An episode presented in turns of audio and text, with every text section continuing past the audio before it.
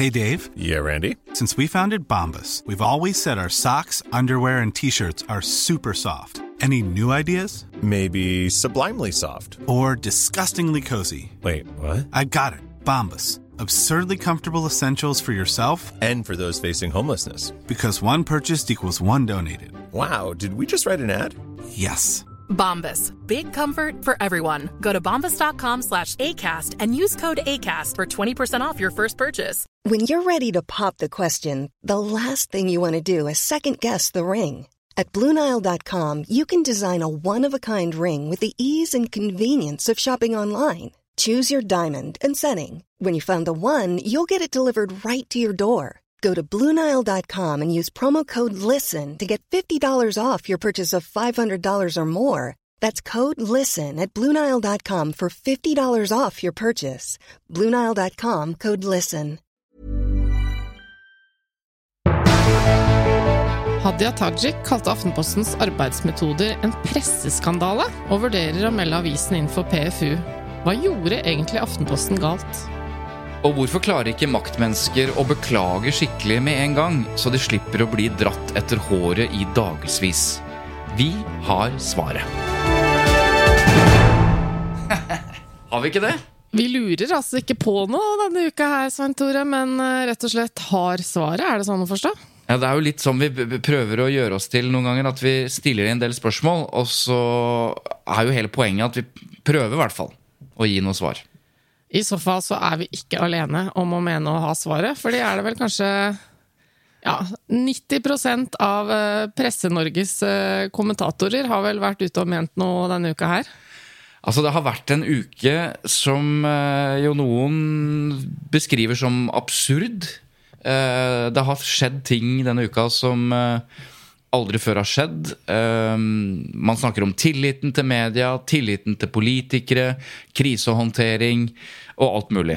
Eh, og for ikke å glemme eh, det som er strengt tatt litt viktigere enn den saken vi nå snart snakker om, at eh, det er på gang en fullskala invasjon i Ukraina, og norske medier er til stede på bakken i Ukraina. Eh, og bare det, at det står eh, journalister, norske journalister og rapporterer nå, mens vi tar opp denne podkasten, i, i hovedstaden. I det landet som nå er i krig. Eh, og vi har jo vært opptatt av journalistenes sikkerhet og hvordan de vurderer det, men, men det er i hvert fall på en måte betryggende at vi har, har journalister som vi stoler på, til stede og rapporterer. Og samtidig håper jeg de tenker på sikkerheten. Mm. en studie i eh, kommunikasjon og propaganda denne krigen her òg. Ja, ikke sant? Som alle kriger fra tidenes morgen, så hva er det man sier? At eh, i, det første offeret i en krig er sannheten. Fordi mm. det er så ekstremt viktig å vinne den propagandakrigen, og den har jo pågått lenge. Men det er jo lov å håpe, da, Eva, at i 2022 så er, eh, så er vi kanskje bedre skodd for propaganda og analysere eh, dette på en måte som gjør at vi i hvert fall, forhåpentligvis, da, får den viktigste informasjonen vi trenger, uten at eh, vi lar oss forlede av Det krig, tør krigende jeg påstå. At vi er kommet lenger enn vi f.eks. var for 70 år siden. Ja. Vi skal ikke snakke om krigen. Det kommer til å oppta folks øh, oppmerksomhet og bekymring og bevissthet i dagevis framover, men vi skal snakke om det denne podkasten handler om, skal vi ikke det? Ja, eh, det er nok folk som er eh, bedre enn oss til å kommentere denne krigen. Det vi kan si, er jo at eh, her har vi ikke noe å utsette på pressens eh, innsats inntil videre. Det vil si, det er det noen som allerede har, for det har startet nettopp en debatt om dekningen av krigen, og den skal vi komme tilbake til. Okay. Men eh, mens vi nå er i gang med en liten sånn runde rundt bordet, eh, er det andre ting du har eh, føler for å dele med våre lyttere? Ja, jeg kan jo f.eks. dele at eh, vi ikke sitter rundt et bord, men eh, er på Google Meet, og jeg ser deg på kontoret. Selv sitter jeg på fjellet. Ja, det kan jeg se. Ja. Hvor er du hen? Jeg er i Trysil, eh, og det er strålende sol og kjempeflott vær ute, så vi må bare snakke veldig fort, sånn at jeg kan komme meg ut i, Det, i skiløypa. det er greit. Uh, vi har uh, Jeg syns det var gøy. Vi får jo uh, fantastiske lytterspørsmål. Det har vi også fått til denne episoden. Vi skal forsøke å besvare noe mot slutten. Men vi, men vi har fått en sånn skjermdump her som jeg syns var litt gøy. Ja. Altså, jeg føler at endelig så har jeg fått støtte fra en lytter eh, som heter Kjersti, eh, hva gjelder meningsløse push-varsler. Eh, denne kommer faktisk fra NRK, eh, som hun har sendt til oss. Nyhetsvarsel. Kjente skam da hun brukte 103 000 på å redde livet til hunden Molly. Altså, hold an litt nå. Push på! En push-varsel som er sånn Og dette da På en som kjente skam fordi hun har reddet eh, hunden sin. Jeg har ikke lest saken. Eh, det fikk jeg heller ikke så veldig lyst til av dette push-varselet, som da ikke kom til meg, da, for det, du vet jo at jeg har skrudd av alle sånne. Ja. Men altså, mens vi får pu- push-varsler på om krigen starter eller ikke, eller selvfølgelig også push-varsler på, eh, på Hadia Tajik og Aftenposten og VG-sakene, så kommer det også push-varsel på at noen har brukt 100 000 på å redde hunden Molly. Eh, kan, Nei, sånn går det om dagene. kan vi da slå fast, jeg kan være enig, selv om jeg jo har disse push-varslene, at eh, kanskje altså NRK bør bestemme seg for at, om de, hva de skal pushe på oss. Altså push-varsler, nyhetsvarsler. Det står nyhetsvarsel. Da bør det vel være det, da. Primært, og ikke Det går jo inflasjon, ikke sant, i all type kommunikasjon fra alle aktører. Inkludert eh, nyhets... Eh, altså mediehusene. Så nå må folk bare begynne å forstå, alle merkevarer og alle virksomheter, at uh, dere er ikke de eneste som kommuniserer med oss, eller til oss. Så dere må moderere dere, sånn at det ikke blir overload ifra alle, rett og slett. Ja. Ok. Eh, Jeg har et push-varsel her fra VG. Det er mer, mer av det push-varselet som eh, man trenger. At Ukrainas forsvar sier de har skutt ned fem russiske fly. Det er et nyhetsvarsel. Det kan man vel si at kvalifiserer, ja. Ok. Eh, vi skal snakke om eh, det som alle har snakket om, i hvert fall i pressekretser og politiske kretser, og for så vidt hele landet, må vi si. Dette er, eh, dette er ikke lenger en Andedammen-sak, som vi ofte beskriver det som. Fordi denne saken har også blitt diskutert eh, på NRK i debatten eh, for flere hundre tusen seere. Og dette er jo noe som vi opplever når vi snakker med kollegaer som ikke nødvendigvis er eh, liksom, på presseetikk. At dette, er, dette har blitt liksom den store saken. Altså Hadia Tajik eh, og Aftenposten, er det du mener nå? Ja. Ja, fordi det å komme pressen i forkjøpet når kritikk eller avsløringer er på vei, det har jo blitt litt sånn vanligere teknikk blant politikere i det siste, etter at sosiale medier ble etablert, sant? Ja, altså vi har sett det uh, mye i, uh, i de siste årene. Altså hvordan uh, Facebook primært, da, eller andre sosiale medieplattformer jo, jo mer vanlig det er å bruke de plattformene, og jo for større tilhengerskare mennesker i en eller annen form for posisjon får, da, så kan man jo skrive ting på sin egen Facebook-side og nå like mange som halvstore og helstore aviser. Eh, Ja. Og vi har sett flere eksempler på det. Eh, For noen år siden så var det ordfører, tidligere ordfører i Oslo, Fabian Stang, som eh, tok til Facebook for å forklare sin side av en, av en kritisk sak. Eh, Vi vet selvfølgelig Trond Giske. ja, ikke sant? Mm. valgte å bruke Facebook som som primær eh, budskapsplattform. Og jeg husker også en tidligere statssekretær eh, i Arbeiderpartiet, Roger Ingebrigtsen, eh, som også brukte Facebook eh, for å forklare sin side av en sak i, eh, som handlet om noe eh, kritikk av Ja, det var vel en metoo-sak i utgangspunktet. Eh, sånn at dette her eh, er vanlig, men, men på den måten det ble brukt denne gangen, ved at eh, Hadia Tajik, som er nestleder i Arbeiderpartiet, fyrer av en bredside mot Aftenposten som er eh, sterkere enn i hvert fall Aftenposten noen gang har opplevd, og pressen egentlig har opplevd, eh, nemlig eh, påstanden om en, en fullstendig presseskandale som har eh, gjort at hun måtte gå ut på Facebook. eh, og ta brodden av, av den saken som ennå ikke var publisert. da. I tolv år har jeg valgt å ikke ha pendlerbolig, unntaket er tre måneder i 2019. Dette forsøker Aftenposten nå å lage en skandale av. Her er min versjon, del den gjerne, skriver hun i innledningen av sitt lange innlegg, hvor hun tok seg også friheten til å spå hva Aftenposten var i ferd med å skrive i en kommende publisering, men som altså ikke var publisert. Ja. Og vi skal snakke om eh, i dag både hva eh, dette egentlig gjør med forholdet mellom eh, journalister og redaktører og kilder, altså politikere eller hva det måtte være. Hva, hva slags betydning har egentlig det som har skjedd denne uka? Hva kan det føre til?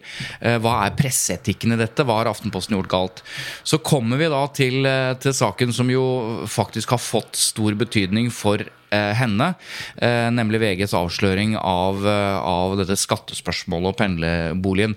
Og da skal vi snakke mer om det vi også er opptatt av, Eva. Det er jo eh, håndteringen. Hvordan håndterer maktmennesker eh, kriser som, eh, som mediene eh, har eh, håper jeg ikke satt i stand, men i hvert fall har avslørt. Hvordan, Ja. Hvorfor er det sånn? At de, dra, at de liksom skyves eh, bakover, drives fra skanse til skanse. Hvorfor legger man på en måte ikke alt fram med en eneste gang, f.eks.?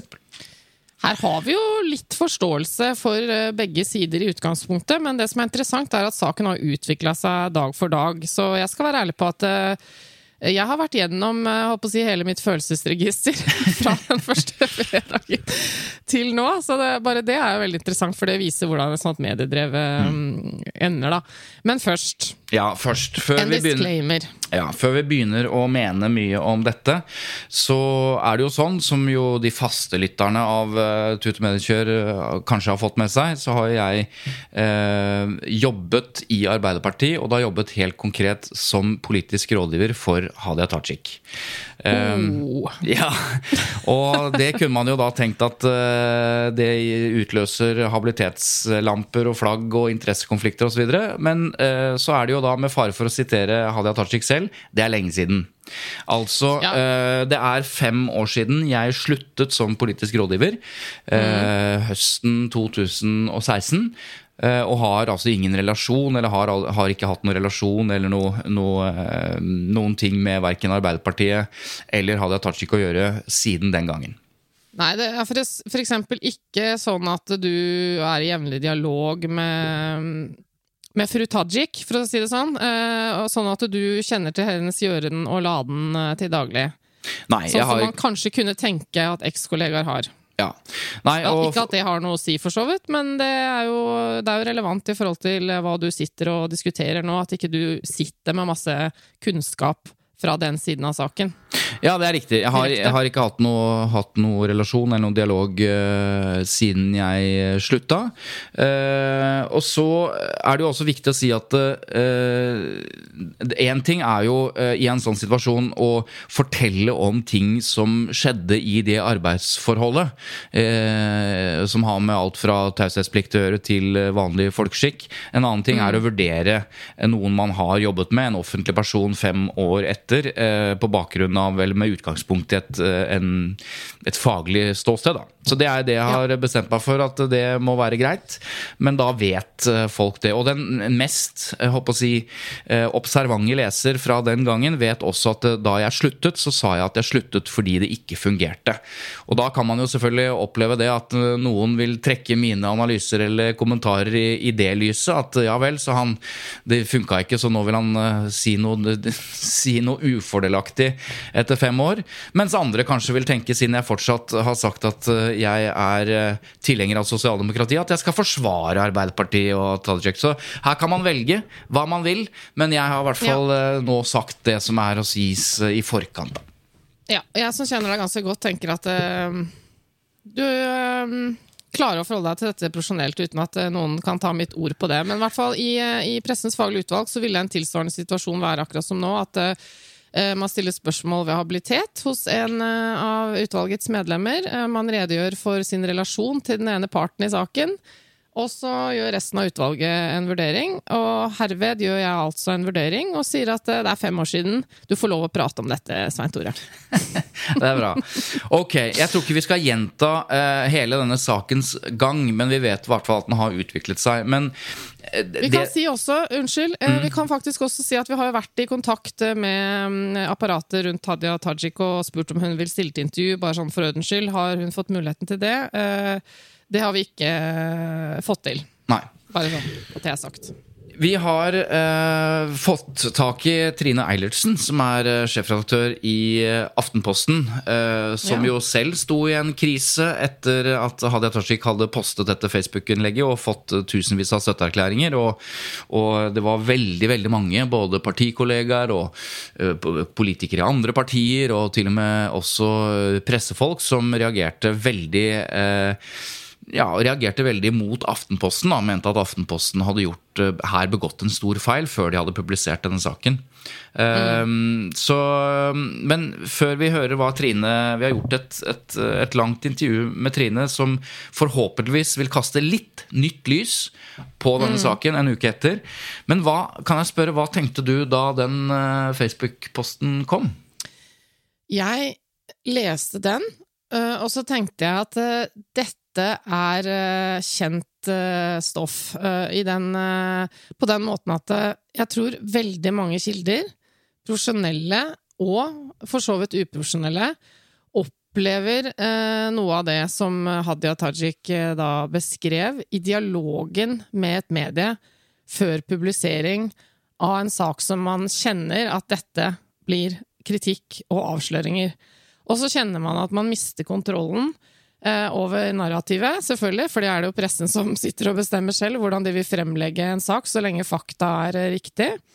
Og så er man i dialog eh, om, eh, med spørsmål og svar og sitatsjekker og tidsfrister for dem osv. Og, så og da kan man føle en eh, veldig sterk frustrasjon eh, over å, å liksom ikke helt uh, føle at det, det man prøver å formidle, kommer igjennom, fordi man får en ny mail med nye oppfølgingsspørsmål, så man skjønner litt hvor det bærer hen. Um, så jeg syns det var veldig interessant, for at uh, jeg tenker at selv for en så profesjonell kilde som Hadia Tajik er, altså Norges mektigste kvinne, blir hun jo omtalt som, selv der har det vært usikkerhet rundt detaljene i den dialogen, og det tenker jeg er interessant. For jeg tror at mediene ofte, og det var der jeg var eh, den fredagen da jeg leste dette, at, eh, at mediene har en tendens til å være for opptatt av sine regler, eh, hvordan de skal eh, kunne jobbe, og så tar de ikke nok hensyn i kommunikasjonen med sine kilder, sånn at det oppleves som en eh, mer rettferdig og, og ok prosess, da. Eh, så jeg, når jeg leste dette, så tenkte jeg dette her ligner litt på den frustrasjonen som Kjetil Rollnes eh, var inne på i fjor rundt Ytringsfrihetskommisjonen og vitsingen i en dokø og, og, og så videre. At eh, man sitter i en dialog som varer veldig lenge eh, med et medie, og så, og så sitter man veldig lenge og venter på når skal dette komme? Og det er jo en uh, utrolig slitsom situasjon. Men så er det det at Hadia Tajik er jo ikke en hvem som helst. Og hun er til og med tidligere journalist. Så dette gamet kjenner jo hun. Uh, ja. Ja, og jeg, og jeg gjorde naturlig nok eh, kanskje noen av de samme refleksjonene, men uh, jeg kom jo ikke unna av at jeg eh, har jobbet med eh, Hadia Tajik og presse, og jeg vet jo at hun er eh, svært opptatt av å ha eh, oversikt og kontroll for eh, hva dette er for noe, intervju, hva blir brukt osv. Altså, hun er eh, veldig, veldig eh, nøye på dette. Og, det. og dette kan jeg si, dette vet jo alle som er journalister og i kontakt med henne, så dette er jo for så vidt ikke noe, noe parti, partihemmelighet. Men, så det jeg tenkte er at her, eh, her har hun mistet den kontrollen, åpenbart. Eh, og hun gjør noe som virker nesten litt sånn desperat. Men jeg også, da jeg leste den, spesielt fordi det handlet om det, noe av det vanskeligste uh, i hennes uh, liv som offentlig person, nemlig sikkerhet. Og da vet vi jo at uh, da, da, da er det kjempekrevende. Uh, så jeg For Tajik mente jo at avisen hadde pressa henne til å utgi sikkerhetsopplysninger om seg selv som som hun ikke egentlig var eh, villig til å dele med offentligheten, ikke sant? Ja, altså hun- hennes eh, Hennes versjon var i hvert fall at, at eh, nå ble hun tvunget til å snakke om noe hun ikke vil eller bør eller kan snakke om, nemlig sin egen sikkerhetssituasjon, for de hadde da varslet i, i sin overlevering eh, den dagen, den fredagen, at de kom til å skrive om det. Så er jo spørsmålet, og det vet jo ikke heller Hadia Tajik på det tidspunktet, selv om hun mener å vite det, for de hadde sendt over mye informasjon om hva de hadde tenkt å, eller hva slags opplysninger de hadde.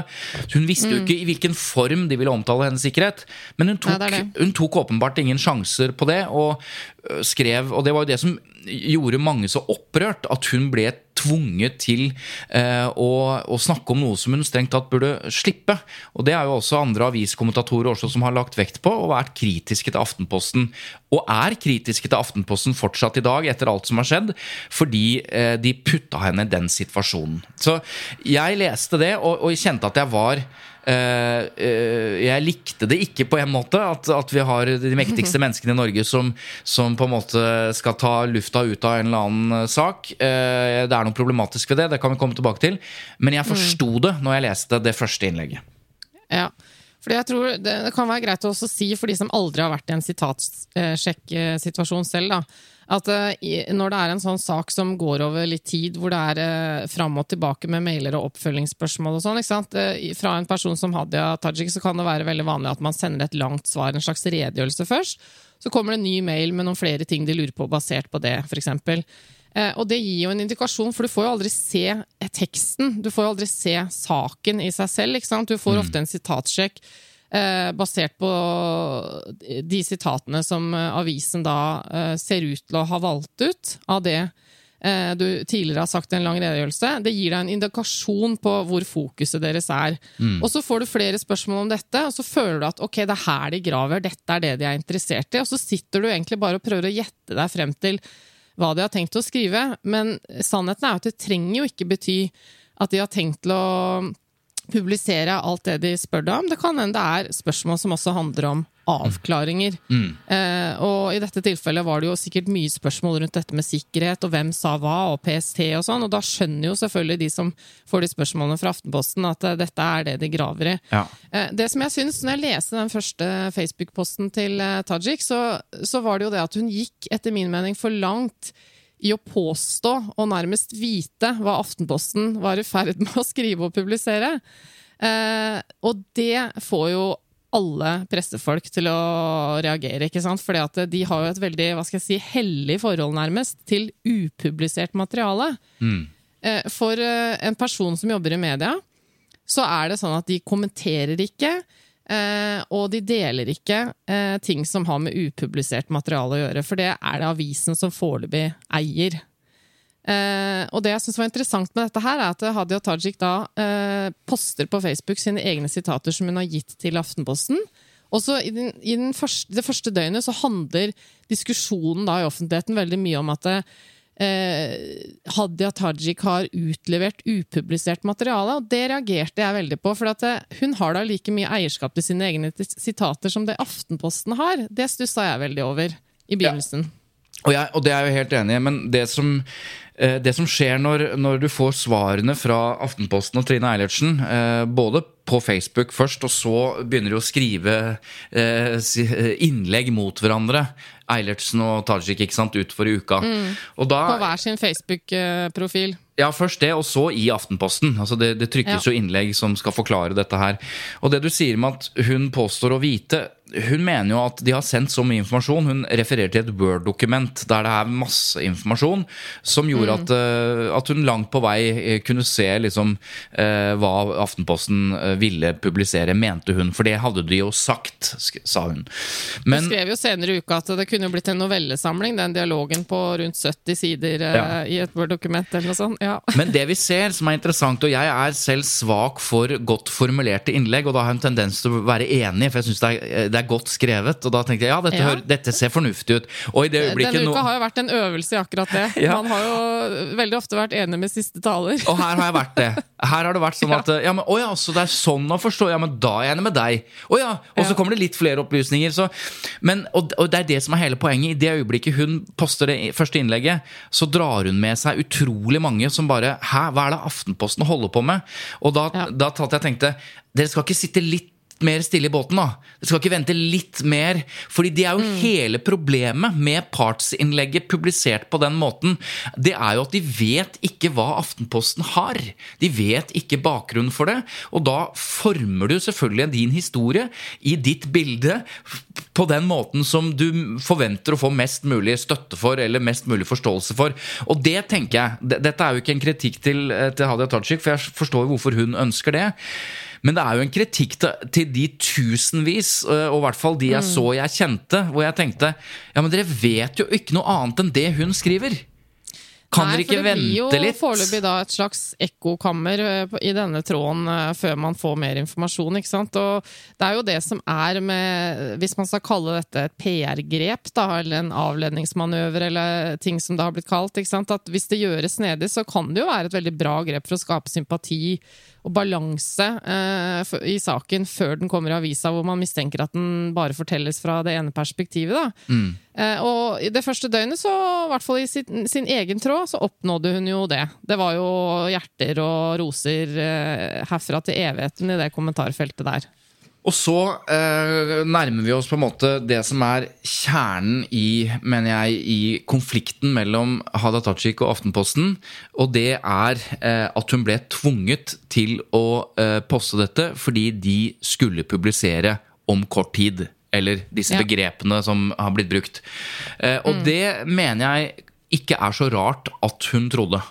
Eh, og Nei. der er vi litt på begreper, uh, pressebegreper, som jo uh, bare eksisterer Eller i hvert fall forståelsen av de begrepene finnes jo bare innenfor redaksjonene.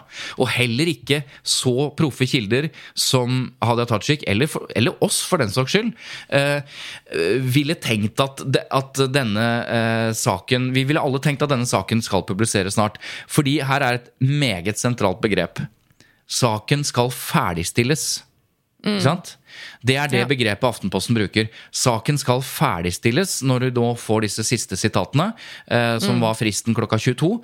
Og det er klart, begrepet ferdigstilles, hvis du bruker det i andre sammenhenger, da La oss si du ferdigstiller et hus. Så er det jo ikke sånn at huset skal rives etterpå.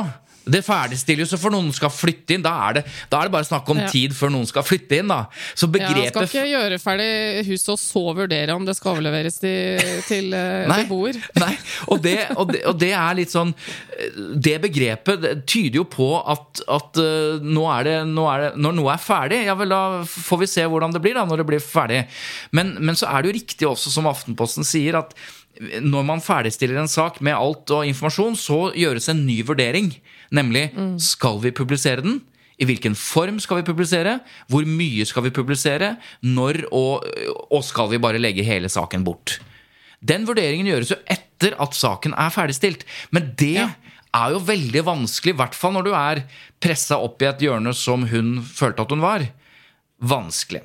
Ja, det kan man absolutt forstå, og det tror jeg de aller fleste eh, egentlig vil oppfatte. At eh, man får en frist klokka ti. Da er det stor grunn til å tro at eh, denne saken kommer i morgen. Ja. Og kanskje til og med ganske ja, raskt, da. Ja. Ja. Ok.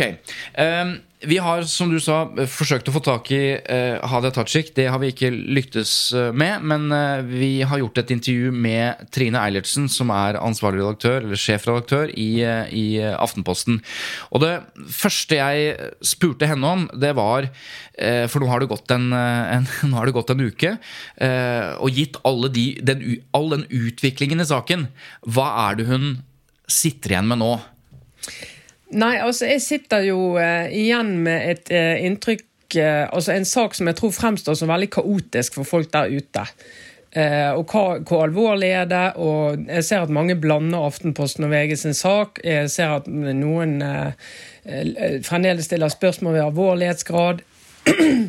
Eh, og så er det jo blitt en diskusjon om om dette var en spinnoperasjon for å slippe å få oppmerksomhet om de mest alvorlige forholdene i hele dette sakskomplekset. Eh, så, og så sitter jeg igjen med en litt sånn eh, ja, ja, altså Det er jo litt sånn følelse av rystelse. da. Jeg har aldri opplevd maken altså som redaktør. Jeg har vært redaktør i 20 år. Og jeg har aldri opplevd maken eh, til trefning med en sittende statsråd og, og partitopp. da. Hva legger du i det? Nei, i det legger jeg at vi har jo hatt mange sånne skarpe diskusjoner med politikere som vi har dekket underveis. Sånn er det jo. Og det er jo en del av denne relasjonen mellom presse og, og politikere som er lang og intens og ofte veldig nær. Eh, men å oppleve det som vi opplevde på fredag, eh, at en politiker på det nivået som Tajik går ut på den måten hun gjør, og det er så hun klarte å virvle opp av eh, motstand og kritikk mot, mot en sak som ikke var publisert, og mot Aftenposten, det har jeg aldri opplevd før. Det har jeg aldri opplevd før.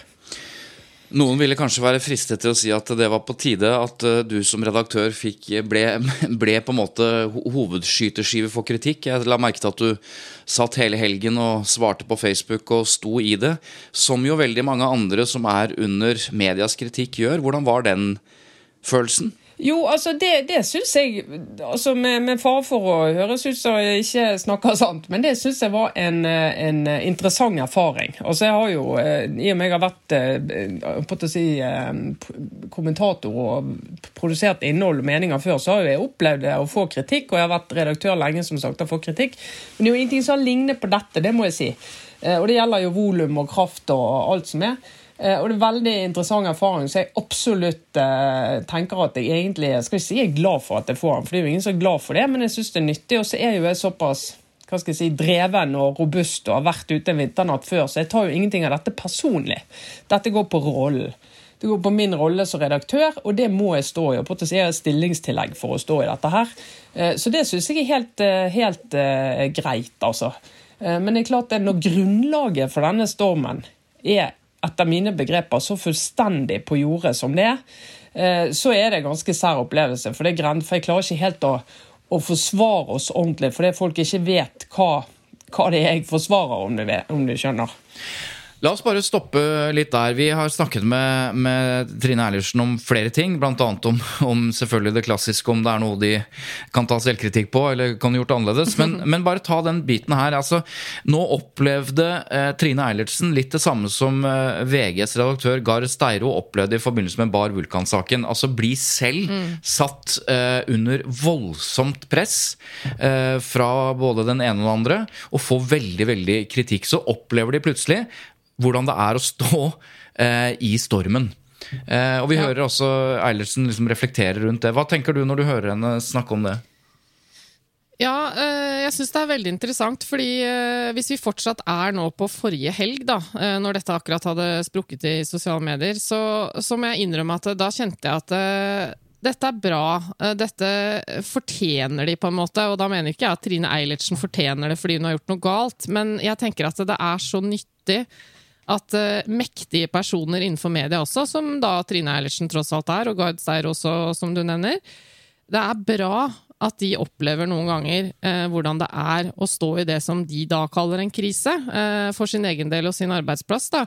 Min opplevelse er jo at Gard Steiro og VG virkelig har lært etter den Bar Vulkan-saken, og jeg er helt sikker på at Trine Eilertsen, som hun også sier, lærte mye av det her. Eh, og det viktigste for meg er jo at de lærer hvor altoppslukende det er mm. når man plutselig blir gjenstand for den kritikken. ikke sant? Fordi at eh, medier, Det som irriterer meg mest med medier når de er i, en, eh, i arbeid med en sak, er jo at det virker som de forventer at den på andre siden ikke har noe annet liv enn den saken de jobber med. Det vil si, de sender masse spørsmål, ofte liksom 20-30-40 spørsmål, svarfrist om to timer osv. Og, så og ofte når det er alvorlige ting, så er det rådgiver involvert, som kanskje på den andre siden er et eller annet sted som det ikke kommer ut av eh, før sånn og sånn tid, og det er ting som må sjekkes sånn. Så det blir veldig sånn eh, Det føles veldig urettferdig eh, når man er i en sånn sak, eh, at man bare må sitte der og håndtere det. Og det gjorde jo Trine Eilertsen veldig bra den helgen. Jeg la merke til det. Hun var inne i Hadia Tajik sitt eh, kommentarfelt,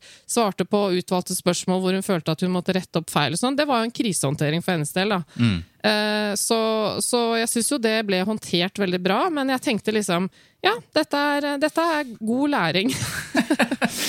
Ok, og, og det, det, bekreftet hun. Men jeg, jeg, jeg, lurer jo også på hvordan hun forholder seg til den kritikken som jo fortsatt er. Det er fortsatt aviskolleger og kommentatorer, selv om de fleste i pressen har kritisert Tajik for det hun gjorde, så er det fortsatt eh, noen som mener at det Aftenposten gjorde, var eh, problematisk.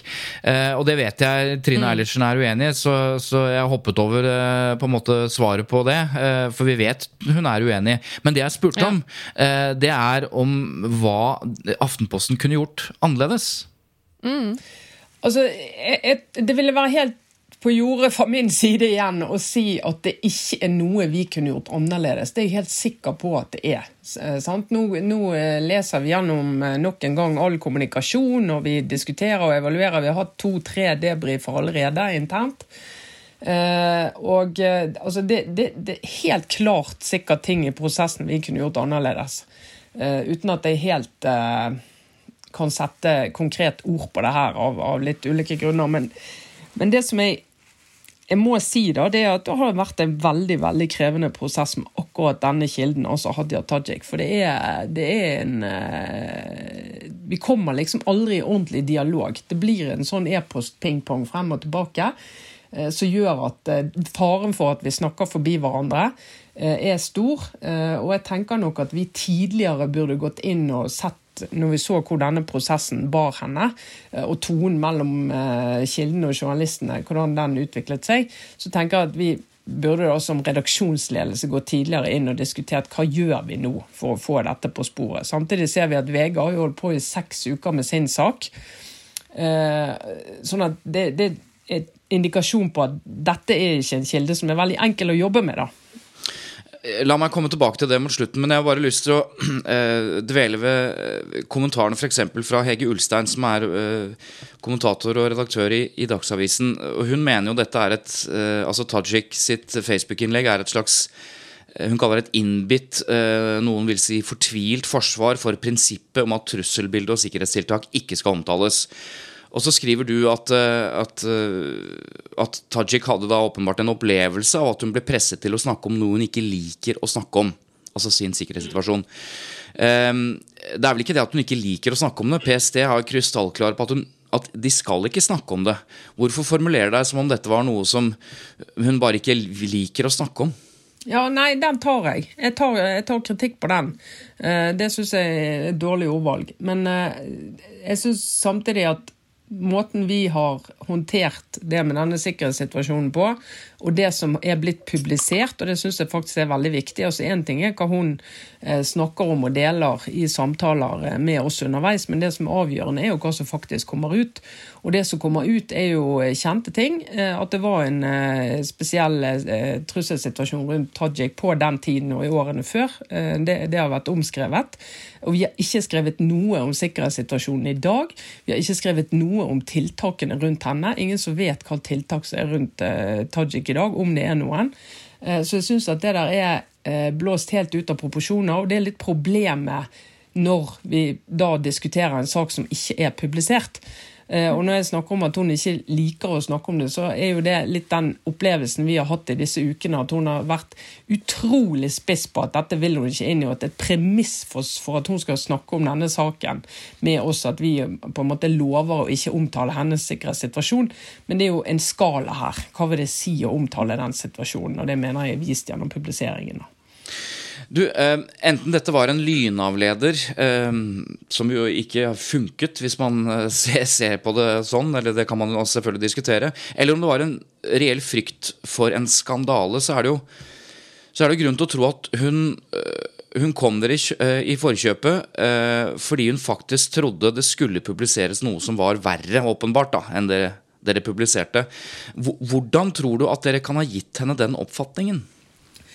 Nei, altså Jeg har jo lest disse e-postene vi sendte de siste dagene flere ganger. Uh, og Vi holdt jo på i halvannet døgn før, uh, før, det innlegget hennes ble lagt ut, med å si at nå, nå er vi kommet så langt at nå, nå, ønsker vi, etter mange forespørsler, å få sitater fra deg. Hva vil du siteres på i denne saken her? Uh, og vi har først en frist, en frist til og en frist til. Sant? Går hele fredagen. Eh, og så eh, skriver vi til henne at eh, nå må du svare, hvis ikke må vi ferdigstille saken uten din medvirkning. Og I mitt hode og i redaktør- og journalisthoder så betyr det at saken blir ferdig, men det betyr jo ikke at den er publisert. For det er jo en avgjørelse i neste steg. Og jeg ville jo tenke at en som faktisk har journalistisk bakgrunn sjøl, visste det. Men samtidig så ser jeg jo at det har hun ikke da skjønt. Eller ikke ville skjønne, men jeg, jeg har tiltro til at eh, Tajik har trodd at vi skal publisere. Eh, Og da tenker jeg at da må vi være enda tydeligere på en sånn kommunikasjon og si at det betyr ikke at saken eh, er klar for publisering, men at vi har en ferdig sak som vi skal vurdere for publisering. Vi skriver jo også det i den ene siste e-posten, at vi kommer til å vurdere å publisere. Dette er ord er veldig viktig for meg, men som jeg kan se at en stresset kilde som ikke ønsker denne saken, eh, kan se forbi og oppleve at sånn at den tydeligheten i kommunikasjonen der eh, tror jeg er en læring. at vi, vi kan ikke være tydelige nok på hva dette er og ikke er. Ja, her er det jo eh, Vi hører jo Trine Eilertsen for det første beklager eh, noen formuleringer hun hadde i en kommentar, men her også sier hun at det er læring. De burde vel kanskje ha gjort det enda tydeligere at ferdigstillelse av saken, eh, som vi snakket om tidligere, ikke betyr publisering. Og det Jeg synes det er en fin eh, det er en fin tone fra Trine Eilertsen nå som, eh, som, eh, som kler en redaktør som har stått i en storm. Da. Man fikk kanskje følelsen i begynnelsen eh, at det var litt sånn eh, hardt mot hardt fra begge sider, og ingen innrømmelser, og de bare snakket sitt pressespråk, og dette må jo alle forstå og sånn. Og da blir, da blir jeg alltid veldig sånn irritert når jeg hører mediefolk som tar det for gitt at alle forstår hvordan, hvordan medienes logikk er. For det er jo det som er problemet, at det forstår jo ikke de fleste. Eh, Riktignok så burde jo kanskje Hadia Tajik forstå det. Men jeg er helt enig i at det er all grunn selv for, eh, for Hadia Tajik til å, til å oppfatte at det nå er en nært forestående publisering. Jeg synes det er fint å høre Trine Eilertsen nå uh, ta litt selvkritikk på enkelte ting. Det er jo det? Det er jo det alle råder en, som, en annen som står i en krise til. Ok, nå må du bare innrømme å legge deg flat på de tinga som det ikke er mulig eh, å få forståelse for, uh, istedenfor å bare stå hardnakket på at mm. alle andre har gjort noe gærent. Og det, det skjønner jo også Trine nå, at selv om ikke de har gjort noe feil, nødvendigvis, så tar de kritikk på at de har vært utydelige osv. Og dette, Det er jo veldig bra. Ja, og dette, Jeg stemmer i her, da. eh, Og jeg sier jo nettopp til eh, Trine at eh, Hadia Tajik som står i en krise, eller om du og jeg hadde blitt stående i en krise, selv om vi jobber med dette hver eneste dag, ville også ha tenkt med den kommunikasjonen at nå kommer det. Eh, og det, som sagt, det, det skjønner hun.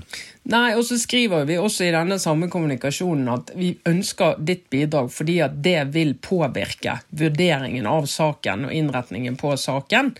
Eh, sånn at vi, vi sant, sier at det du kommer med, vil jo vurdere hva, beslutning vi tar med tanke på publisering. da. Men så, som jeg sier, altså, dette er noe av det som jeg tror at vi er bare nødt til å være enormt tydelig på. For det, det er en veldig uheldig situasjon vi har havnet i. Jeg har ingen interesse og glede av å være i denne situasjonen her. Eh, Og da tenker jeg at vi er nødt til å se ok, skal vi, skal vi bare eh, lage oss noen rutiner der vi får med disse setningene om hva det betyr og ikke betyr, og f.eks. sette en tidsfrist, sjøl med så profesjonelle kilder. Når det er sagt, så tenker jeg jo at hun legger ut det innlegget før, før en publisering har skjedd. Søndag publiserer VG, da legger hun det ut etter publisering har skjedd. Eh, altså Det går jo an å bare sitte og vente på å trykke på knappen og se ok, der publiserer Aftenposten, da publiserer jeg, og så er du i hvert fall sikker, da. Eh, fremfor å gjøre det som hun gjorde nå, som er helt uvanlig, mener jeg. Det er interessant eh, det Trine Eilertsen sier, fordi eh, det har jeg tenkt på i mange år, at eh, mediene oppfører seg som at de har enerett på å eh, drive en sak, hvis du skjønner. Eh, og så føler jeg at det, det er en litt sånn avleggs holdning, da. Eh, nå er det mediene, og så er det de sosiale, frie mediene som alle har tilgang til.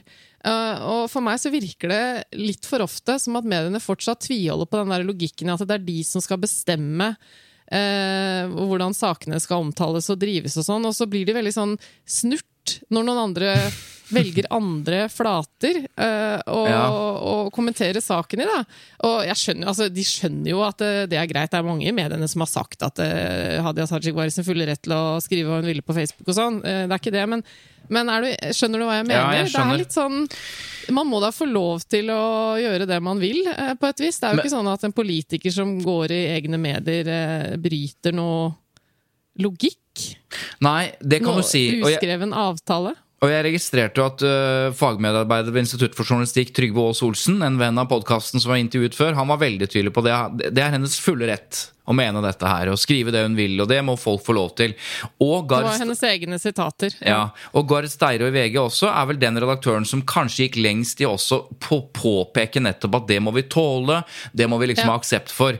Litt interessant også, uten å psykologisere det, men det er jo også en redaktør som har stått i hardt vær, så det er en eller annen greie her med forståelsen av hvordan det er å være et, eh, et eh, ja, være i krise, da. Men, men, eh, men prinsippet eh, er allikevel litt problematisk, og det er veldig mange andre redaktører som har sagt det denne uka her, at det at en svært mekt... Altså, vi må skille mellom hvermannsen og mektige Ja. politikere. Det gjør vi når vi, an, når vi anser dem som kilder, og hva vi skal på en måte tillate, og hva vi skal forklare, som jo er litt av kjernen her også. men men det er klart det er problematisk at en politiker forsøker Og nå skal ikke jeg bruke feil begrep, for det handler ikke om å kneble eller, eller sensurere Aftenposten som ikke er publisert, men de forsøker åpenbart eh, å i hvert fall slå beina under en kommende artikkel.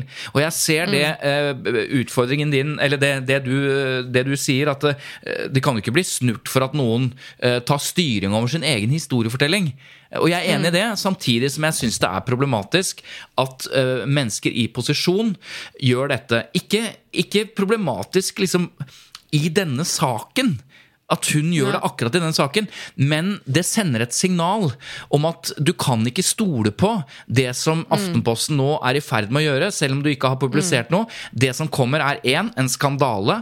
Det er ikke korrekt informasjon, og det, er, og det truer min liksom eh, Det truer på en måte hele dette bildet med sikkerhet osv. Ja, for Problemet her er jo det at hun sier det er ikke korrekt informasjon. Eh, kanskje ikke akkurat de ordene hun brukte, men det Ja, er for det, jeg- ikke sant? jeg Før man det- vet hva de var i ferd med å skrive. Ja, altså pr- Hovedproblemet til Facebook-innlegget til Hadia Tajik er ikke nødvendigvis at hun skriver det og har et behov for å fortelle hennes historie, men det Nei, ligger, det ligger en enorm kritikk av en Ja. eh, presumptivt ganske seriøs og oppegående avis som har drevet med gravejournalistikk på dette feltet lenge. Og det, det er den kritikken og den mistenkeliggjøringen av motiver som Aftenposten har, at de er ute etter skandale og sånn og sånn, den er skadelig for forholdet mellom politikere og media og forholdet mellom folk og media. Altså, det er det jeg syns er mest problematisk. Jeg har forståelse for at hun har behov.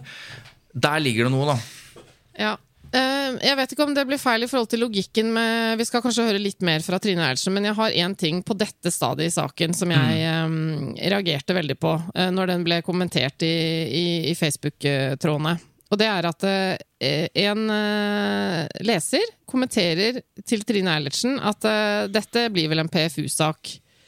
Og dette er før Aftenposten har publisert noe. Så skriver Trine Eilertsen hva da PFU-sak? Det er jo ikke noe publisering her.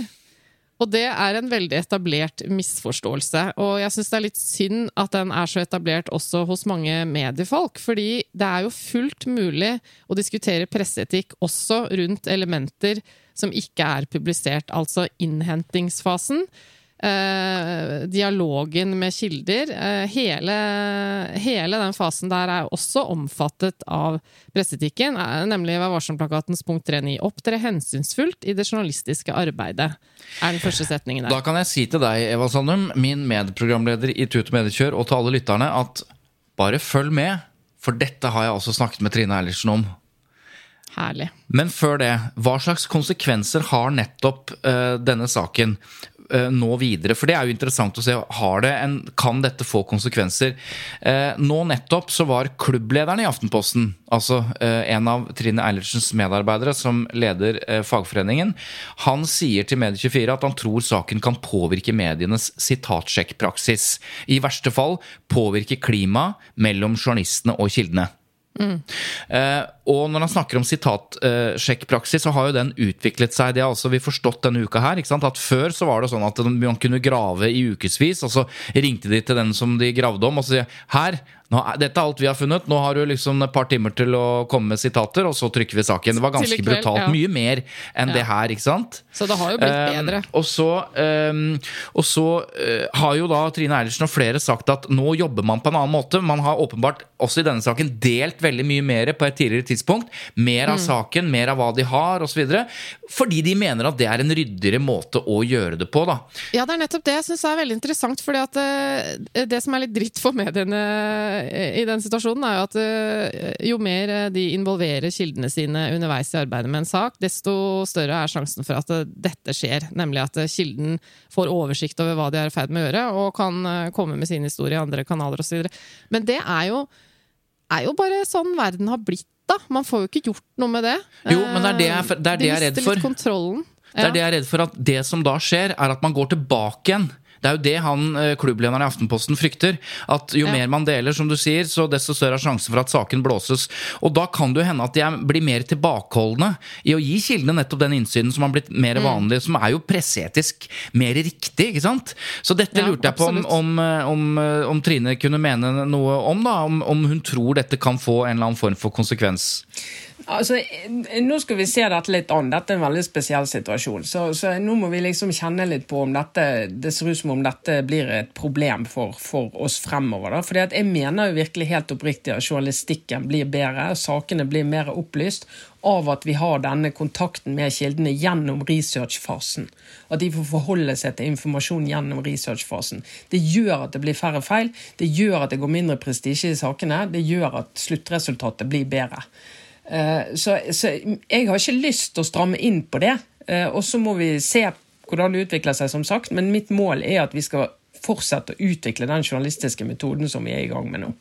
Ja, så eh, hun vil jo ikke da, eh, og det er jeg glad for, hun vil ikke nå si sånn som klubblederen frykter, nemlig at de skal, eh, at de skal stramme inn på det. Fordi Trine Eilertsen som redaktør ser verdien av å holde kildene orientert på et redelig vis, for det blir mindre feil av det, sier hun blant annet. Og det, det er jeg for så vidt glad for. Men vi vet jo ikke nå om denne saken blir klagd inn til PFU. Nei, altså det er et par ting til som jeg har reagert på underveis denne uka. Det første var jo det at eh, når saken da endelig ble publisert på mandag ettermiddag, tror jeg det var, så, så, så må jeg innrømme at det irriterte meg litt at det var en del eh, pressefolk igjen da, som var ute og kommenterte i sosiale medier blant annet sånn Ja, se her da, dette var da ikke noe fare oppover. Eh, Hadia Tajik. Eh, litt sånn det ble da ikke så ille, denne saken. Og så tenkte jeg, men hallo, vi er jo ikke helt uh, født bak en låve dør, liksom. Dette, dette er jo en sak som er skrevet da på mandag, etter alt som har skjedd i helgen, og den handlet jo til og med om helgens begivenheter. Og så var det litt for mange som, eh, som snakket om det som om dette var den opprinnelige saken. Det vet vi jo ikke. ikke sant? Det kan jo teoretisk sett hende at dersom ikke Hadia Tajik hadde gått ut på fredag, så hadde Aftenposten sin sak sett annerledes ut hvis den ble publisert lørdag ettermiddag. Det, det har jo ikke vi noen anelse om, bare og det er sagt, da. Nei da, og det sier jo for så vidt Trine Eilertsen også, at det er jo nettopp det de ønsket med sitatene. At eh, saken skulle eh, påvirkes av det. Men du har jo helt rett i det, at saken er jo, er jo, er jo påvirket av det. For det omtaler jo saken som skjedde på fredag, så saken ville vært annerledes. Men det Kan jo hende det var skjerpende, uten at vi skal antyde vi vet det. ikke, det og det vil ikke hende. Eilertsen kommentere, åpenbart, for da er vi tilbake igjen opp og kommentere eventuelt det som ikke er publisert. Vi skal bare kommentere det Ja. som er publisert. Men PFU Ja. Også synes, ja, ikke sant? Også har jo både Medie24 og Kampanje og kanskje andre også stilt eh, Hadia Tajik spørsmål om, eh, om hvorvidt hun kommer til å klage inn eh, publiseringen til PFU. da. Og jeg syns bare det er litt interessant det der, for at nå som hun har gått så hardt ut, så må hun jo nesten også følge opp med det, da. Eh, noe annet ville jo nesten være litt rart. Når hun ja, går så hardt ut og mener at dette var å gå over streken. Ja, altså Det ville vært rart at noen som er opptatt av uh, rett og urett og, og etikk, og åpenbart så opptatt av presseetikken at hun mener at dette er en presseskandale. Det er, det er veldig rart hvis en presseskandale ikke ender opp i PFU. Ja, så ja, hun er Men- nesten litt bondefanga der. Men det vi ikke vet, er jo eh, For det er jo to måter å velge dette pre eh, til pressens faglige utvalg. Altså Gjør hun det på arbeidsmetoden, altså det som skjedde før publisering? Eller eh, kommer det en, en mer samlet klage, hvis det kommer noen, som også handler om den saken som faktisk ble publisert? Det vet vi jo Ja, heller for ikke. Nei da. eh, Jeg kan jo informere om at eh, det er ytterst få saker i Pressens faglige utvalg som handler om den fasen eh, før noe blir publisert. Jeg kan huske å ha vært med å, behandle noen som har hatt dette som tema, men så vidt jeg husker, så har dette da vært også saker som har endt opp i medienes spalter. Hvis det hadde vært sånn at Aftenposten aldri publiserte denne saken, så tror jeg de aller fleste tenker at da, da har det ikke noe i PFU å gjøre. Og det skulle jeg virkelig ønske at vi fikk prøvet en gang. Eh, for der er det jo veldig vanskelig med dokumentasjon, for da kommer jo mediene fort inn i den argumentasjonen at eh, vi kan ikke kommentere og dele og vise ting som har skjedd eh, rundt upublisert materiale og sånn. Så da havner vi i en situasjon hvor vi fort må stole på medies versjon. Eh, med mindre kilden da velger å dele. Det er dokumentasjon veldig, eh, som du allerede har sagt, at Hadia Tajik mente det kunne være en slags novellesamling. Så all kommunikasjon mellom Aftenposten og Hadia Tajik er jo der. Og, er jo- og vi, hvis hun vil dele den. Ja, Ja. eh, så, men, men eh, du sa jo det at eh, du reagerte litt på Trine Eilertsen, som, sa det at, som reagerte på Facebook på, på påstanden om, om PFU, for hva skal det klages inn på? Saken er ikke publisert.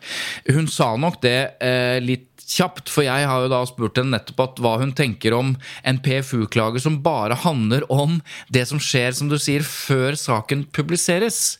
Ja. Og her er det hun, eh, hun tenker om det. Punkt 3.9, altså. Mm. Ja. Nei, altså Det rommet fins der, og det er det en, en grunn for. Altså Jeg ville synes det var en veldig veldig pussig opplevelse hvis det er der vi ender, og jeg, er litt i tvil om at det er det. Eh, at det kommer til å ende der. Men, eh, men eh, jeg syns det er viktig at rommet fins der, fordi jeg syns også journalistisk metode tone, hva type dialog har du med kilden? Altså En ting er at ting blir publisert, men hvis, du, hvis, kilden, opplever, ja, hvis kilden opplever seg truet og presset, da, så er jo det en eh, dårlig erfaring med en redaksjon, så den redaksjonen eh, kan få, godt kan få tilbakemelding på. Sant? Og Sånn sett syns jeg at det er bra at det rommet fins der. Ja. Så hun er klar over det. Det er Ja. åpenbart at, at, at det kan Ja. bli klaget inn. Men det er jo som du sier, det kan jo nesten ikke Ja, jeg tror ikke det har skjedd at en upublisert sak har blitt felt på arbeidsmetoder og trent i Pressens faglige utvalg. Men det er absolutt høyst relevant til presseetikken. Det er et par andre ting jeg også har lyst til å bare kjapt være innom. Tore. Eh, Det der med skriftlig kommunikasjon, for det har vi hørt nå at Aftenposten i denne diskusjonen har eh, poengtert mye at det er vanskelig eh, med kilder som, som gjør seg utilgjengelige og vanskelige og bare kommuniserer på mail og med veldig gjennomtenkte skriftlige svar. For avisene, og det kan jeg jo bekrefte gjennom arbeidet mitt i dette kildeutvalget også, eh, avisene irriterer seg jo veldig over at eh, stadig flere mektige personer og politikere osv. Eh, ønsker skriftlig kommunikasjon som de har bedre kontroll på. Da. Og så tenker jeg først liksom hva, Det er jo en grunn til det, er det ikke det? Ofte Altså, hvis er vi det prøver å snu litt på det, ikke sant? Det, det er jo en grunn til at man ønsker eh, eh, å ha kontroll på det man blir sitert på. Og hvorfor er det det? Jo, fordi eh, hvis man stiller opp sånn som avisen ønsker, til et normalt intervju, man setter seg ned på kontoret og prater, så er jo poenget til avisen at de ønsker å kunne stille oppfølgingsspørsmål. Det er veldig forståelig. ikke sant? De lurer på noe, får et svar som de ikke er fornøyd med, og derfor graver de litt mer i det. Og da mister jo kilden litt kontroll på hvilken del av det jeg nå sier, velger de å sitere meg på. Ikke det første jeg sa, som er det viktigste for meg, men kanskje det som jeg svarer i oppfølgingsspørsmålet, som er litt mer ikke sant? Så du, du mister jo veldig kontrollen, fordi det er avisas privilegium å velge ut hva av det du sier, du blir sitert på. Det er riktig, men her, her er vi kanskje litt uenige. Jeg vet ikke. Men det er nå engang sånn at oppfølgingsspørsmålene er de viktigste spørsmålene en journalist kan Absolutt. stille. For hvis noen Mm. sier at ja, vi burde kanskje gjort ting litt annerledes, og de stopper der, ikke sant? I det skriftlige svaret, så er det som Ja, hva da? Hva er det dere kunne gjort annerledes? Ehm, sånn at eh, Oppfølgingsspørsmål er uhyre viktig for det journalistiske. Og hvis man fratas muligheten til å stille oppfølgingsspørsmål, så er det et problem. Til det du sier, man mister litt kontrollen. Ja, men vi har ikke kontroll selv i et skriftlig svar, så kan ikke vi Det er en misforståelse å tenke at hvis du bare svarer skriftlig, så kommer alt det du skriver med. De har fortsatt den samme muligheten til å plukke ut det de mener representerer svaret. Fordi det er, og dette er en kjempemisforståelse, du har ikke rett til å be om at hele svaret ditt skal med. Det er, ikke sant? Og, og, så den utfordringen har du enten det er muntlig eller skriftlig. Men det jeg er enig i, det er at, og når vi også av og til gir råd til våre kunder om å si at dette kan du strengt tatt svare på skriftlig, fordi du har ikke noe mer enn dette å si. Det betyr at uansett hvor lenge du sitter i et muntlig intervju, så vil du ende opp med å si det samme. Kanskje det er en vanskelig personalsak hvor du faktisk er liksom forhindret fra å si noe mer. Hvorfor skal du da sitte i et intervju eh, og liksom bare bli spurt om det samme hele tiden? Så det fins liksom situasjoner hvor det å bare avgi et skriftlig svar er bra både for journalisten og for intervjuobjektet, egentlig. Men jeg Her er jeg nok mest på på journalistenes side, i hvert fall i den frykten for at denne utviklingen gjør at man mister muligheten da, til å Ja stille oppfølgingsspørsmål. Det er ikke det at vi to er uenige i dette heller, men det er viktig for folk å forstå forskjellen. ikke sant? Og at det er en grunn til at folk prøver å beholde kontrollen i større grad gjennom det skriftlige. Da. Men det, det er jo litt med hvor erfaren du er også. For hvis du har kontroll på på materialet du skal diskutere, så er det jo selvfølgelig mye bedre å stille opp i et uh, intervju, men det er ganske mange som både mister hodet blir supernervøse, blir dårlige foran journalister som er flinke til å da stille det samme spørsmålet på ulike måter med ulike innfallsvinkler i løpet av en samtale. Så det er veldig forståelig da, at folk som er uerfarne, er litt redde for nettopp dette. Og her skal vi avslutte praten med Trine Eilertsen, fordi uerfaren kan vi ikke si at Hadia Tajik er. Men hun ville Nei, ikke, men ville ikke stille til Hun svarte aldri på om hun ville stille til intervju. Hun er bare eh, opptatt av det skriftlige fordi hun mente premisset ikke var eh, i orden. Og her er eh, noe som jeg syns er interessant, som egentlig ingen har snakket om i denne saken, Mm. men som alle snakker om i redaksjonene. Ja. Vet du hva det er? Jeg mistenker at det er eh, et inntrykk man har hatt over mange år av nemlig Hadia Tajik, når det kommer til eh, behovet for kontroll. Ja. Eh, Det er sånn at Hadia Tajik har hele tiden gjennom sin karriere vært ekstremt bevisst på hva hun deler og ikke deler. Og hun har også vært ekstremt bevisst på hvordan hun skal forholde seg til journalister. Og hun har hatt et behov som, vi, som kan karakteriseres som et litt sterkere behov enn hos veldig mange andre, for å ha Det som den ofte kalles kontrollbehov. kontrollbehov. Dette er ikke noe hemmelighet. Dette, man trenger ikke å være, ha vært rådgiver for å, å mene dette. For nå snakker jeg ut fra, et, fra, fra øynene til pressen. De har opplevd dette over lang, Ja. lang tid. Eh, og jeg tenker at eh, denne stadige behovet for å kontrollere journalistenes premisser, kontrollere hva hun gir og ikke gir, og stille veldig mange motkrav og motspørsmål til pressen, det er jo åpenbart noe pressen ikke liker. Altså For mye av det blir veldig veldig vanskelig. Dette snakkes om i pressekretser og har gjort det veldig lenge. Og så tenker jeg den, eh, den avfyringen av eh, Facebook-innlegget på fredag, det er på en måte nærmest kvintessensen av det kontrollbehovet. Altså Det er liksom summen av alt. eh, av all, all det, liksom, alle de årene med å ta kontroll. Her var det et siste sånn dette Ja, Var det litt sånn at der rant begeret over, rett og slett? ja, jeg tror det. Hvis du ser på hvordan journalister både i kommentarfelt, redaktører og alle reagerer på det som skjedde, så er det en, nærmest en overtenning fra den andre siden at nå får det liksom pokker være nok. Eh, vi, har, vi vet hvor, eh, liksom hvor, hvor mye eh, kontrollbehov det har vært hos denne kilden, denne politikeren over tid. Dette er bare, Ja. min, dette er bare min analyse. Ja, for at Eh, Det du sier nå, din hypotese er jo at hvis det samme hadde skjedd fra en litt mindre kjent, eh, si stortingspolitiker, eller kanskje bare en lokal politiker, eller noe sånt, så kan det godt hende at pressen hadde bare instinktivt hatt litt større forståelse for behovet enn de hadde med Hadia Tajik. Ja, og, og da ville de hatt større eh, forståelse også, og vært mindre sint fordi det ikke var en så mektig politiker. Men, men la oss si det var en like kjent politiker, da, men som vanligvis var veldig raus og veldig åpen og tilgjengelig. Så tror jeg kanskje at ikke reaksjonene hadde vært så sterke.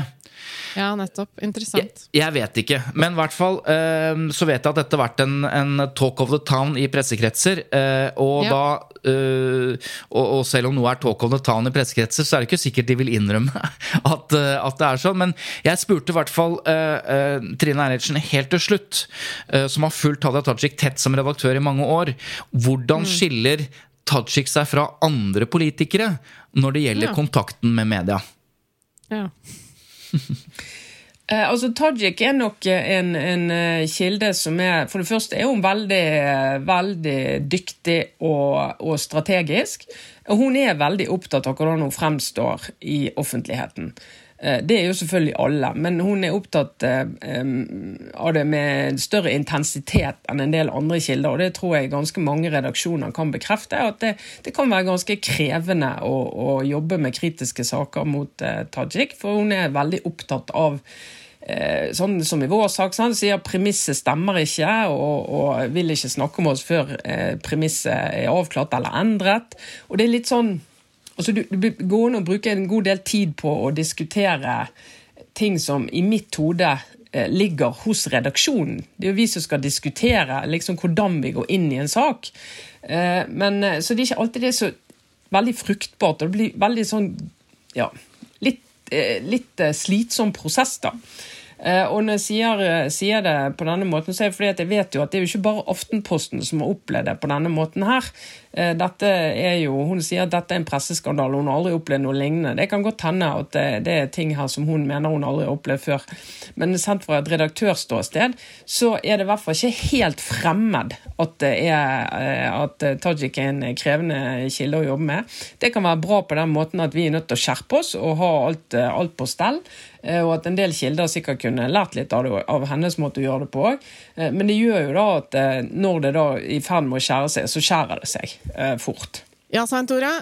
Her kommer vi vel ikke unna at jeg må, må involvere deg. Altså, du har jo tross alt jobba som rådgiver for Hadia Tajik, så her er jo ikke du helt uh, ute av bildet. Har du, har du, bidratt du da til å lære opp Hadia Tajik til å ha dette kontrollbehovet, eller kommer dette fra henne selv?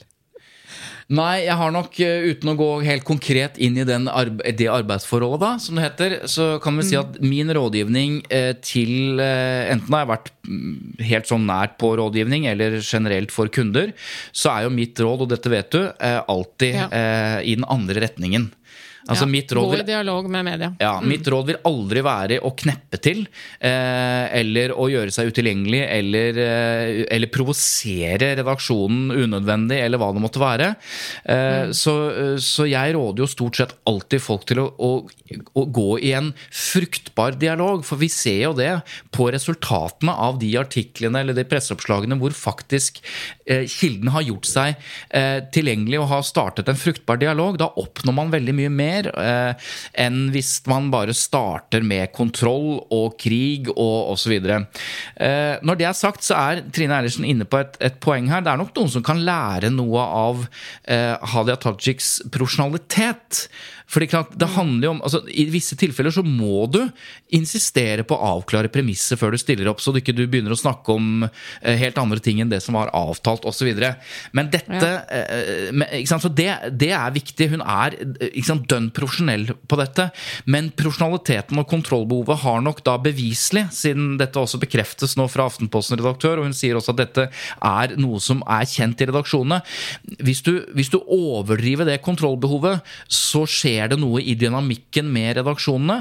Eh, og mm. der har jeg alltid vært nettopp på den siden. At eh, det er ikke noe vits i å gjøre seg til uvenns med folk bare fordi du har rett. Eller det er ikke noe vits i å starte en dialog som er problematisk i utgangspunktet, bare fordi, fordi du mener at eh, du har alt på det tørre. For det, det gjør noe med tilliten, da. Jeg har bare lyst til å komme med et lite tips eh, her nå til eh, de som hører på, som eventuelt skulle komme i en tilsvarende sammenlignbar situasjon eh, som denne som Hadia Tajik var i. Og det er at eh, hvis du er i en sånn sak og egentlig har veldig lyst til å ha en samtale med journalisten som jobber med saken, men føler deg ukomfortabel med å gjøre det til et intervju eh, fordi du blir stressa av hvordan du formulerer deg, hva du kan finne på å si osv., så, videre, så er det jo noe som heter bakgrunnssamtale. Og det er det jo dessverre ikke alle som veit. Det går altså an da å si til journalisten at jeg har veldig lyst til å ha en prat med deg. Kan vi først bare prate oss gjennom saken, så jeg kan forklare eh, hvor jeg står, eh, hva som er fakta osv., før vi går til et intervju. Det kan lette den dialogen veldig. Eh, og mitt inntrykk er at det er ikke alltid journalister legger opp til den muligheten av seg selv, så det går det an å da be om, sånn at man får tatt en menneskelig prat, samtale, om sakskomplekset. Det vil jeg virkelig råde folk til å vurdere. Det der var et veldig godt råd, eh, Eva Sandum. Da, da, bruker man ordet bakgrunnssamtale. Da, da, lyser det opp en lampe hos journalisten, hos absolutt alle journalister i dette land, da vet de hva det er. Og det Ja. innebærer at her kan jeg ikke sitere noe.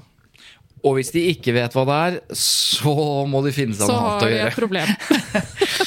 Ok, Nå er vi i den situasjonen, eh, Eva Sandum, eh, som jeg regnet med ville komme i.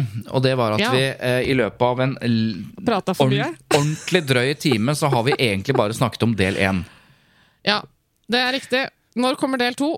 Vi må nemlig snakke om eh, Vi må i hvert fall være innom at det har vært en annen sak som ikke er den samme som denne saken, nemlig det VG da eh, skrev om eh, samme helg. Eh, en annen episode rundt Hadia Tajik fra perioden 2006 til 2010, da hun også hadde en pendlerleilighet. Og det vi skal gjøre da, det er som vi gjør av og til eh, på TV, eh, og i radio for så vidt, at del to av denne eh, praten kommer til uka. Skjønner du? Og det betyr at det vi har sagt vi skal snakke om i dag, det kommer ikke. Så det var jo, det var jo litt Burde vi kanskje ha tenkt på i det vi starta. Og det betyr at også lyttespørsmål vi snakket om, kommer også i denne bonusepisoden til uka. Nydelig! Dette Så- tok vi on the fly, Svein Tore. Sånn, for. sånn må det nesten bli. Men eh, da takker vi i hvert fall for oss og ønsker folk eh, god helg. Vi forutsatte at de har hørt denne episoden når den blir sluppet. Eller god søndag eller god mandag eller hva du måtte finne på denne dagen. Og så kommer det en eh, del to av, av denne eh, Hva skal man kalle det? Krøniken om spektakulære presseetiske saken eh, til uka. Så da sier vi takk til Lyder Produksjoner som produserer, og takk til Simon som eh, klipper. Og da får vel du tre ut av, eh, av den senga du sitter i, og så prøve å komme deg ut på ski, eh, Eva. Ut i sola og snøen her i Trysil, så snakkes vi fortere enn svint. Da holder jeg fortet her nede i Oslo, mens du koser deg der oppe, hvis det er ok for deg. Det er helt ok for meg, Svein Tore. Ha det! Ha det!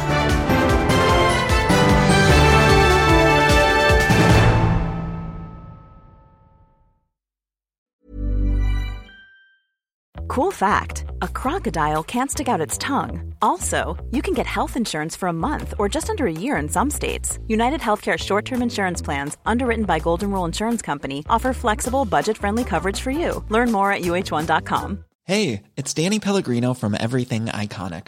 Ready to upgrade your style game without blowing your budget? Check out Quince. They've got all the good stuff shirts and polos, activewear, and fine leather goods, all at 50 to 80% less than other high end brands. And the best part? They're all about safe, ethical, and responsible manufacturing. Get that luxury vibe without the luxury price tag. Hit up quince.com slash upgrade for free shipping and 365 day returns on your next order. That's quince.com slash upgrade.